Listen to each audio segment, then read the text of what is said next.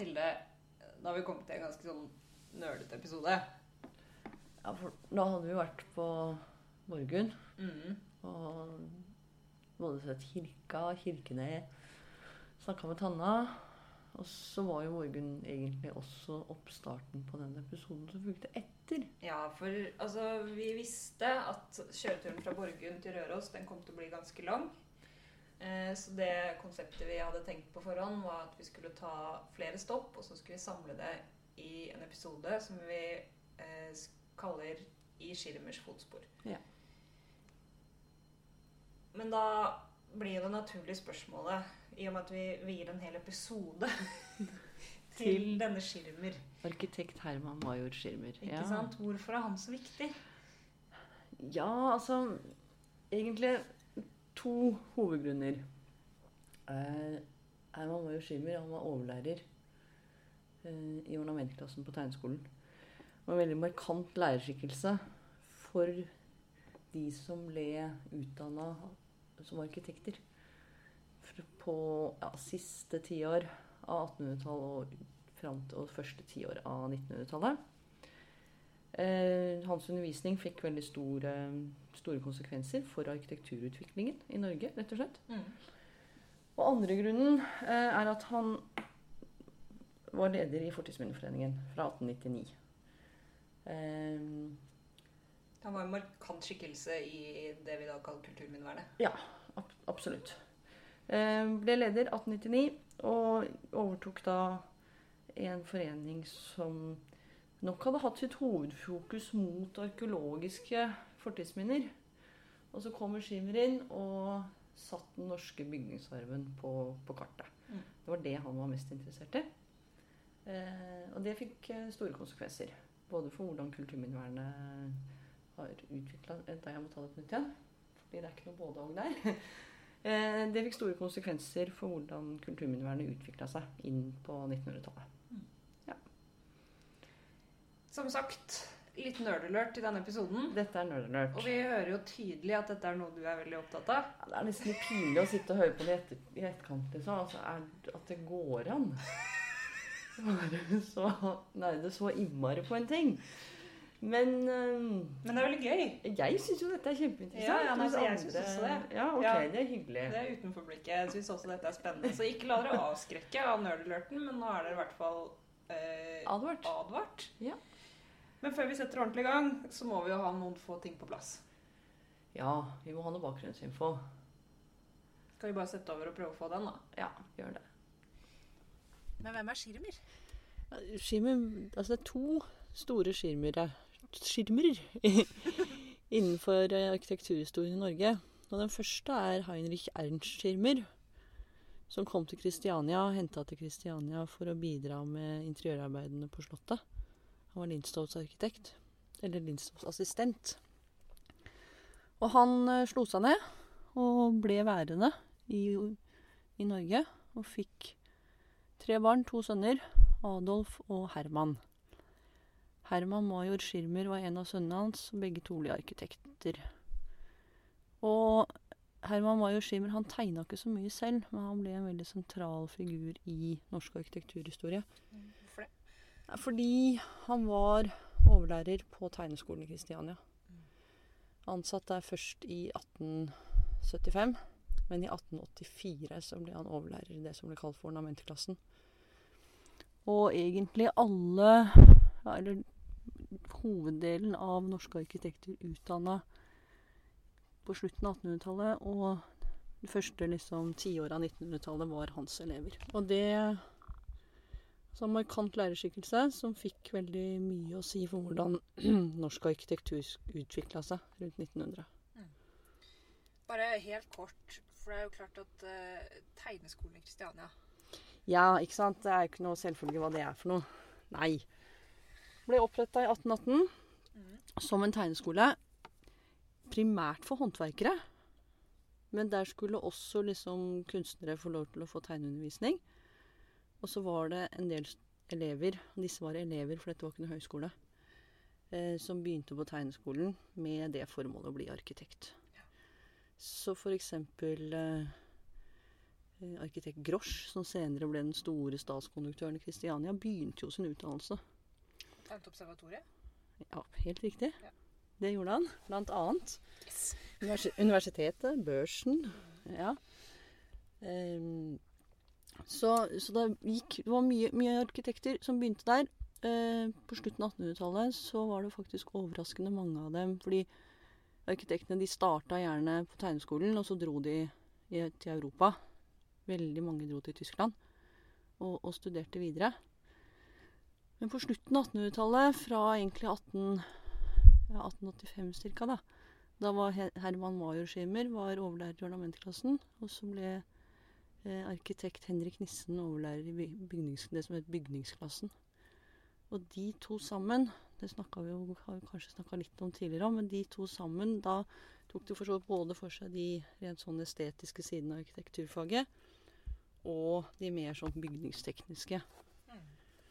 Så eh, omkring en Altså det er ganske overraskende mange arkitekter som, som der faktisk kun har tegneskolen som utdannelsessted. Som lærer så tok han med seg elevene noen uker, gjerne i juni, opp i dalstrøkene Mm. på Østlandet. Mye Gudbrandsdalen. Etter hvert som jernbanen liksom ble bygget ut, så kom de lenger og lenger opp. Mm. Og så satt elevene og tegnet. Eh, mye norsk middelalderarkitektur. Storgårder. Men han var veldig opptatt av også ikke bare liksom hovedbygningen, men alle uthusene og sånn også. Eh, og disse tegningene ble liksom det som i dag heter Schirmersamlingen. Så de første bygningsforeningene så er det jo en i, fra, fra 1923 er det jo en overvekt av gårdsanlegg der Schirmer-elevene har vært. Men så eh, tilbake til Borgund. Jo, ikke sant? For hvorfor svarte vi hvorfor er dette viktig i forhold til Borgund? Og det er jo fordi altså Herman Major Schirmer gikk jo selv på tegneskolen Ja, som elev der. Og så dro han til Dresden etter hvert og gikk på kunstakademiet der. Men han begynte selv på tegneskolen. Eh, og som den arkitekt, arkitektsønnen han var, så hadde han nok ganske gode forbindelser. Så i sommeren 1861, da var Schirmer 16 år gammel, da satt han ved Borgen stavkirke og tegnet den. Men Så har jeg spesielt et studie av, portal, av portalen der. Og de tegningene fins jo fortsatt i dag. De fins i, er del i Schirmer-samlingen, som i dag er hos Riksantikvaren. Så det kommer vi til å legge ut bilde av. Ja, Det kan vi gjøre. Absolutt. Nei, så dette er liksom, hvis man kan si Når vi begynner dette som da heter liksom denne episoden i Schirmers fotspor, så er det egentlig ganske naturlig å begynne på Borgund. Både fordi at det var her Altså, det sier noe om hans utdannelse. Og det var jo noe han tok med seg videre når han ble lærer. Og så var han en ganske interessant personlighet. Altså, Herman Major Schirmer først hadde han hadde veldig mange kvinnelige elever som han løftet fram, så han må ha vært ganske sånn progressiv lærerskikkelse. Eh, og han hjalp dem ut i arbeidslivet. Dette var damer som, som fikk egne yrkeskarrierer, noe som var ganske unikt. Så dette er de første kvinnelige arkitektene. Mm. Da snakker vi tidlig 1900-tall. Vi snakker tidlig 1900-tall. Og så var han nok et, altså var han et moderne menneske. Ehm, i, I sin tid. Selv om han så ikke sånn ut. Han hadde sånne store skinnskjegg og gikk veldig sånn formelt kledd. Jeg var en kjekk. Overhodet ikke, spør du meg. Ja, grunnen til at jeg spør, er jo fordi jeg har gifta seg med en dame Ja. som var sånn 30 år yngre, eller 23 år yngre, eller noe sånt. Nei, 29 år yngre. Han 29 gifta seg med Anette Wiese. Anette Wiese var jo hans elev på tegnskolen. Mange år. Hun uteksaminerte i 1897. Eh, og så gifta de seg i 1905. Eller var det 1906? Ja, sånn cirka der. Um, hennes brev til han er bevart. Og hun er ganske frampå, altså. Så jeg tror kanskje at det var liksom hun som liksom styrte den romansen her. Hun sjekka opp han. Jeg tror det. Sender noe annet et brev. Det vel i 1998. Da har hun tydelig vært på, på 1898. 1898. Ja, hun har tydelig vært på Vestbanen og liksom sett han av gårde. Han skulle på studietur med neste kull elever. Så skriver hun brev etterpå. Det var trist å se dem reise og la meg bli igjen aldeles alene i denne varmen. Da, da vil jeg jo si at du er litt eh, At du er ganske frampå, liksom. Dette var en mann som er 29 år eldre enn henne. Det er ikke så mye annet å lese inn i det enn at hun var ganske interessert. Nei, altså, men man skal være litt forsiktig med 1800-tallsmennesket. for det er jo, altså, de er jo veldig sånn blomstrende i sitt språk. Men de er også til dels veldig formelle. Og jeg ser på brevene hennes, så begynner det liksom med 'herr arkitektskirmer'. Så blir det 'kjære arkitektskirmer'. Etter hvert så er vi ned på liksom 'kjære Herman', altså. Før du er gift. Ja. det er det. Ja. Så det er dessverre ikke en komplett brevsamling, men, eh, men en del er bevart. Spennende. Ja, så nei, jeg tror ikke eh, Han var nok eh, Kanskje han var veldig vital? Vet da fader, jeg. Det, kanskje. Ikke sant? Umulig å si. Så mm, Men OK, vi sa jo det der om til dels også moderne for sin tid. For nå skal jo vi kjøre videre herfra. Det skal vi. Ja. Og det neste stedet vi skal stoppe, det forteller jo noe om at han var moderne for sin tid. ja. Hva gjaldt uh, fritidsaktiviteter. Ja. Skal vi eh, Hoppe i bilen. Det skal vi. Yes.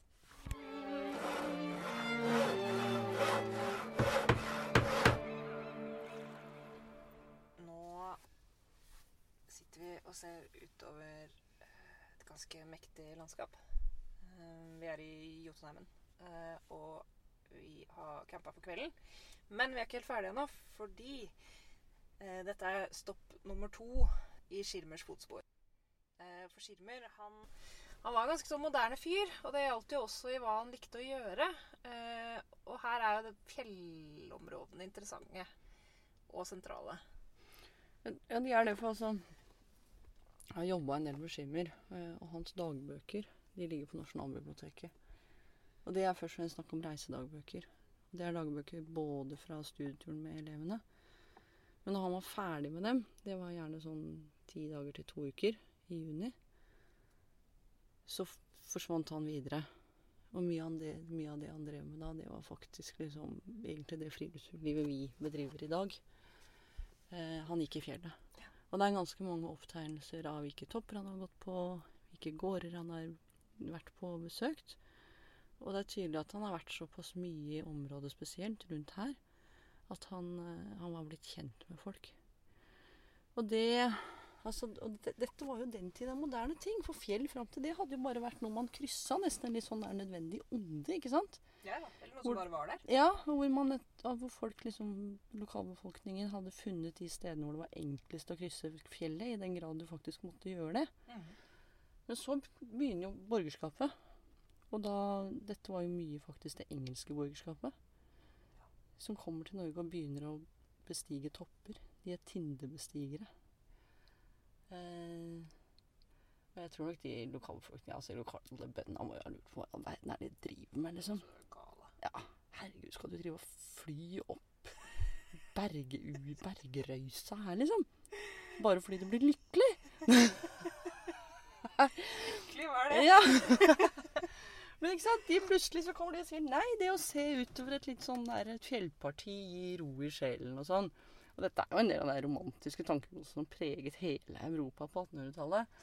Men eh, når vi nå jobber med Schirmer, så er jo faktisk han en ganske god Altså Det er ikke noe sånn at han er kjent for å bestige noen voldsomme topper. Det er liksom ikke det det det er. Men han er jo faktisk en litt sånn god representant på det der opplyste borgerskapet. Mm.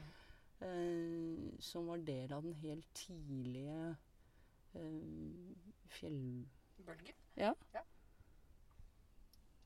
For det var jo Ja, det var, det var jo populært. Ja, det var det. Også Turistforeningen ble jo stiftet De hadde 150-årsjubileum, tror jeg, her i fjor. Mm. Eh, som jo var en konsekvens av det. Mm. Og så er det verdt å nevne også at vi, når vi snakker om kulturminner eh, og fjellkultur, så er jo det naturlige krysningspunktet mellom det er jo DNT-hyttene. Ja.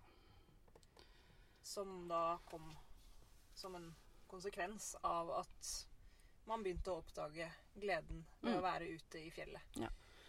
Eh, og en del av de er jo ordentlig gamle. Ja, DNT sitter på en ganske interessant bygningsmasse. Eh, hvor det både, ikke sant, altså du har både kulturhistorie, Mm. fjellvandrerne, turisme, friluftsliv, Mm. og du har arkitekturhistorie.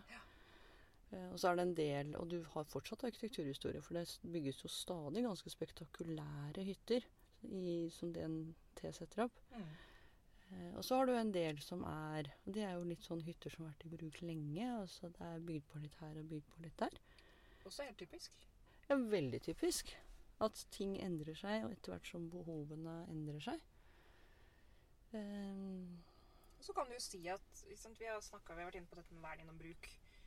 Og DNT-hyttene DNT har jo alltid blitt brukt. Ikke sant? Så De har aldri stått tomme, de har aldri forfalt. det er aldri noe, ikke sant? Så det har jo blitt tatt vare på den kulturarven gjennom at det norske folk fortsetter å bruke dem. Og trives i fjellet. Ja. Og så kan du jo si også at vi snakker jo også her om Altså vi snakker en del om frivillighet innenfor kulturminnevernet. Mm. Men du har jo ja, i form av sånn type Fortidsminneforeningen, tar tak, ja sånne ting. Men eh, det frivilligheten omkring liksom fjellhytter Så er det mye som er gjort på dugnad, altså. Det, den er fantastisk, Mm. den er stor. Mm. Eh, den ligger i folkesjela. Ja. Hvis vi skal nytte oss av dette, så må vi være med og bidra. Ja. For det er jo et ganske unikt Det fins jo selvfølgelig turisthytter i andre land også, men, men den tilliten og den åpenheten som er i, i det norske eh, fjellhyttesystemet mm. eh, Mange av de er ubetjente, som de fleste vet. Men det at man bare stoler på at folk legger igjen penger når de drar Ja. Og du har samme nøkkelen, liksom. Ja, Alle har samme nøkkel. mange hytter. Og så er det jo et eller annet med nordmenn, da. Altså, der er jeg litt sånn kanskje unorsk. Jeg, altså, de fleste jeg kjenner, når de ser en fjelltopp, så er det et eller annet som nykker i dem, liksom. De må klatre opp på den toppen. Ja. Samme hvor jævlig vondt det gjør, liksom. Jeg trives godt i skogen. Tusle litt her og lage et bål og sånn.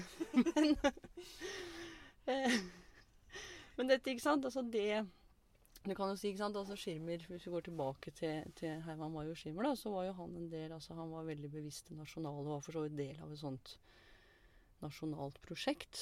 Eh, ikke en sånn dårlig politisk nasjonal, liksom, hvor man var, var nettopp opptatt av hvor man kom fra. Eh, hva, hvilken arv og hvilken tradisjon er det vi står i. Eh, samtidig som at det kan man nesten si at han Altså dette med, det, altså med friluftsliv og sånn var, var jo en ny ting, men hvor man da Altså norsk natur, norske fjell ble viktig i den, i den identiteten av å være norsk. Mm. Eh, jeg syns jo dette er spennende, for det er jo noe som Altså dette Altså tankegodset kom jo liksom veltende over Europa. Altså det begynte på 1700-tallet, men, men 1800-tallet er kjempesentralt, liksom. Men hvis du ser på Hvis vi går tilbake til tegneskolen Jeg har jobba veldig mye med tegneskolen.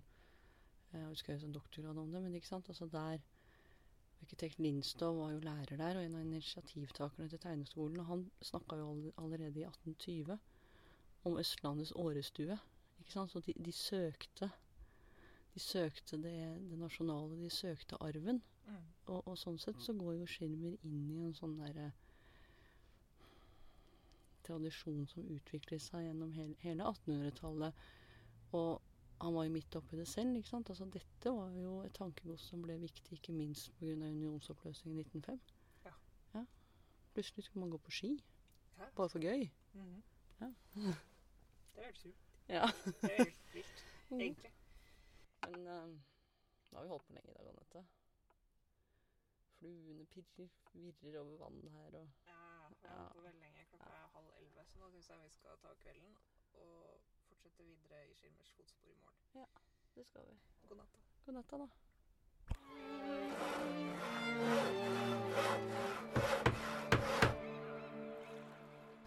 Yes, Mathilde. Ny dag, nye muligheter. Jepp. Nå har vi allerede gjort et intervju. Det sto egentlig ikke på planen, men vi har vært innom Norgar Blossom og fått god frokost. Hatt en hyggelig prat. Så vi kjørt derfra. Nå sitter vi på Dovre stasjon. Ja, ikke sant? Og hvorfor er, eh, er det viktig? Jo, fordi på slutten av altså den siste studieturen som Skimmer arrangerte, den var i 1912. Eh, året etter Ja, det var Etter det så sluttet han som lærer på tegneskolen og ble faktisk Norges første riksantikvar. Ja, Ja, Skilmer. det er eh, Alle tenker jo at jeg har i fett. Skimmer hadde en veldig kort karriere Ja. som Norges første riksantikvar. Jeg tror ikke han gjorde det spesielt bra heller.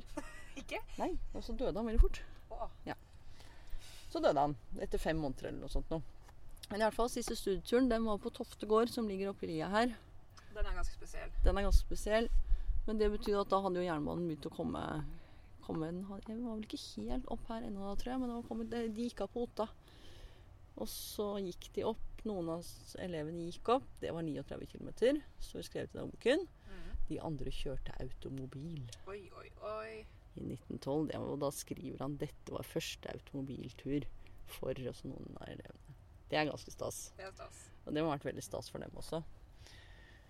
Men i hvert fall eh, Så da var de så, Sånn sett er vi egentlig midt i liksom Arnestedet der han styra rundt, da. Eh, med disse studieturene. Og De var om flere turer på Vågå, Dovre, Otta, Sel.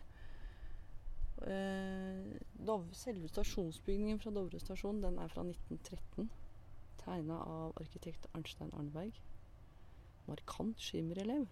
Ja. ja. Ja, for han studerte under Schirmer. Han studerte under Schirmer.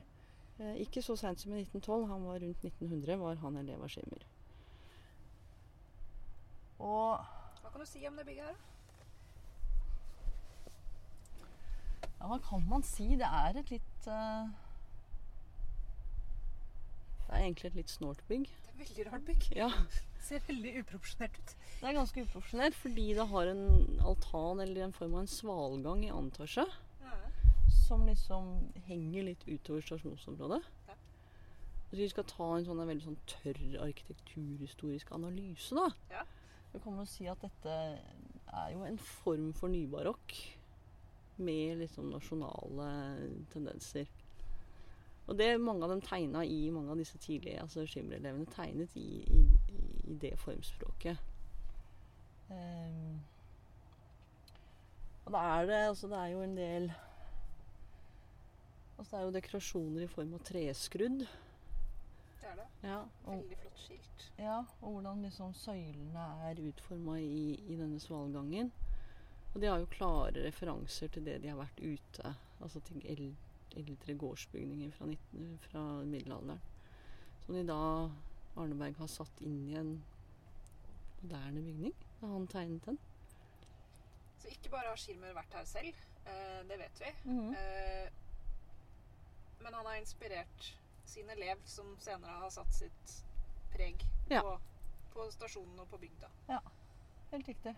Hvorfor er Dovre et naturlig sted å avslutte eh, historien om Schirmer, da? Det er egentlig ganske fint fordi den siste studieturen som han arrangerte, i 1912, den gikk til Toftegård, som ligger oppi lia her. Og det er et enormt flott gårdsanlegg. Um, og da han hadde studietur, 1912, der var det med en god del elever. Nesten halvparten av dem var damer. Så gøy. Ja. Etter den studieturen så sluttet Schimmer som lærer på tegneskolen. Så når du spør, ja, det er kanskje på en måte så er det helt greit å avslutte i Schimmers fotspor her, for det var her eh, han avsluttet også. Den karrieren han hadde i forhold til neste generasjons arkitekter. Da sier vi det bare sånn, vi, og så reiser vi videre. Vi reiser videre. Nå skal vi til Røros. Nå skal vi til Røros. Berit tar oss imot. Ja. Det blir stas. Og vi har egentlig dårlig tid, så vi får bare komme oss av gårde. Det får vi. Ok.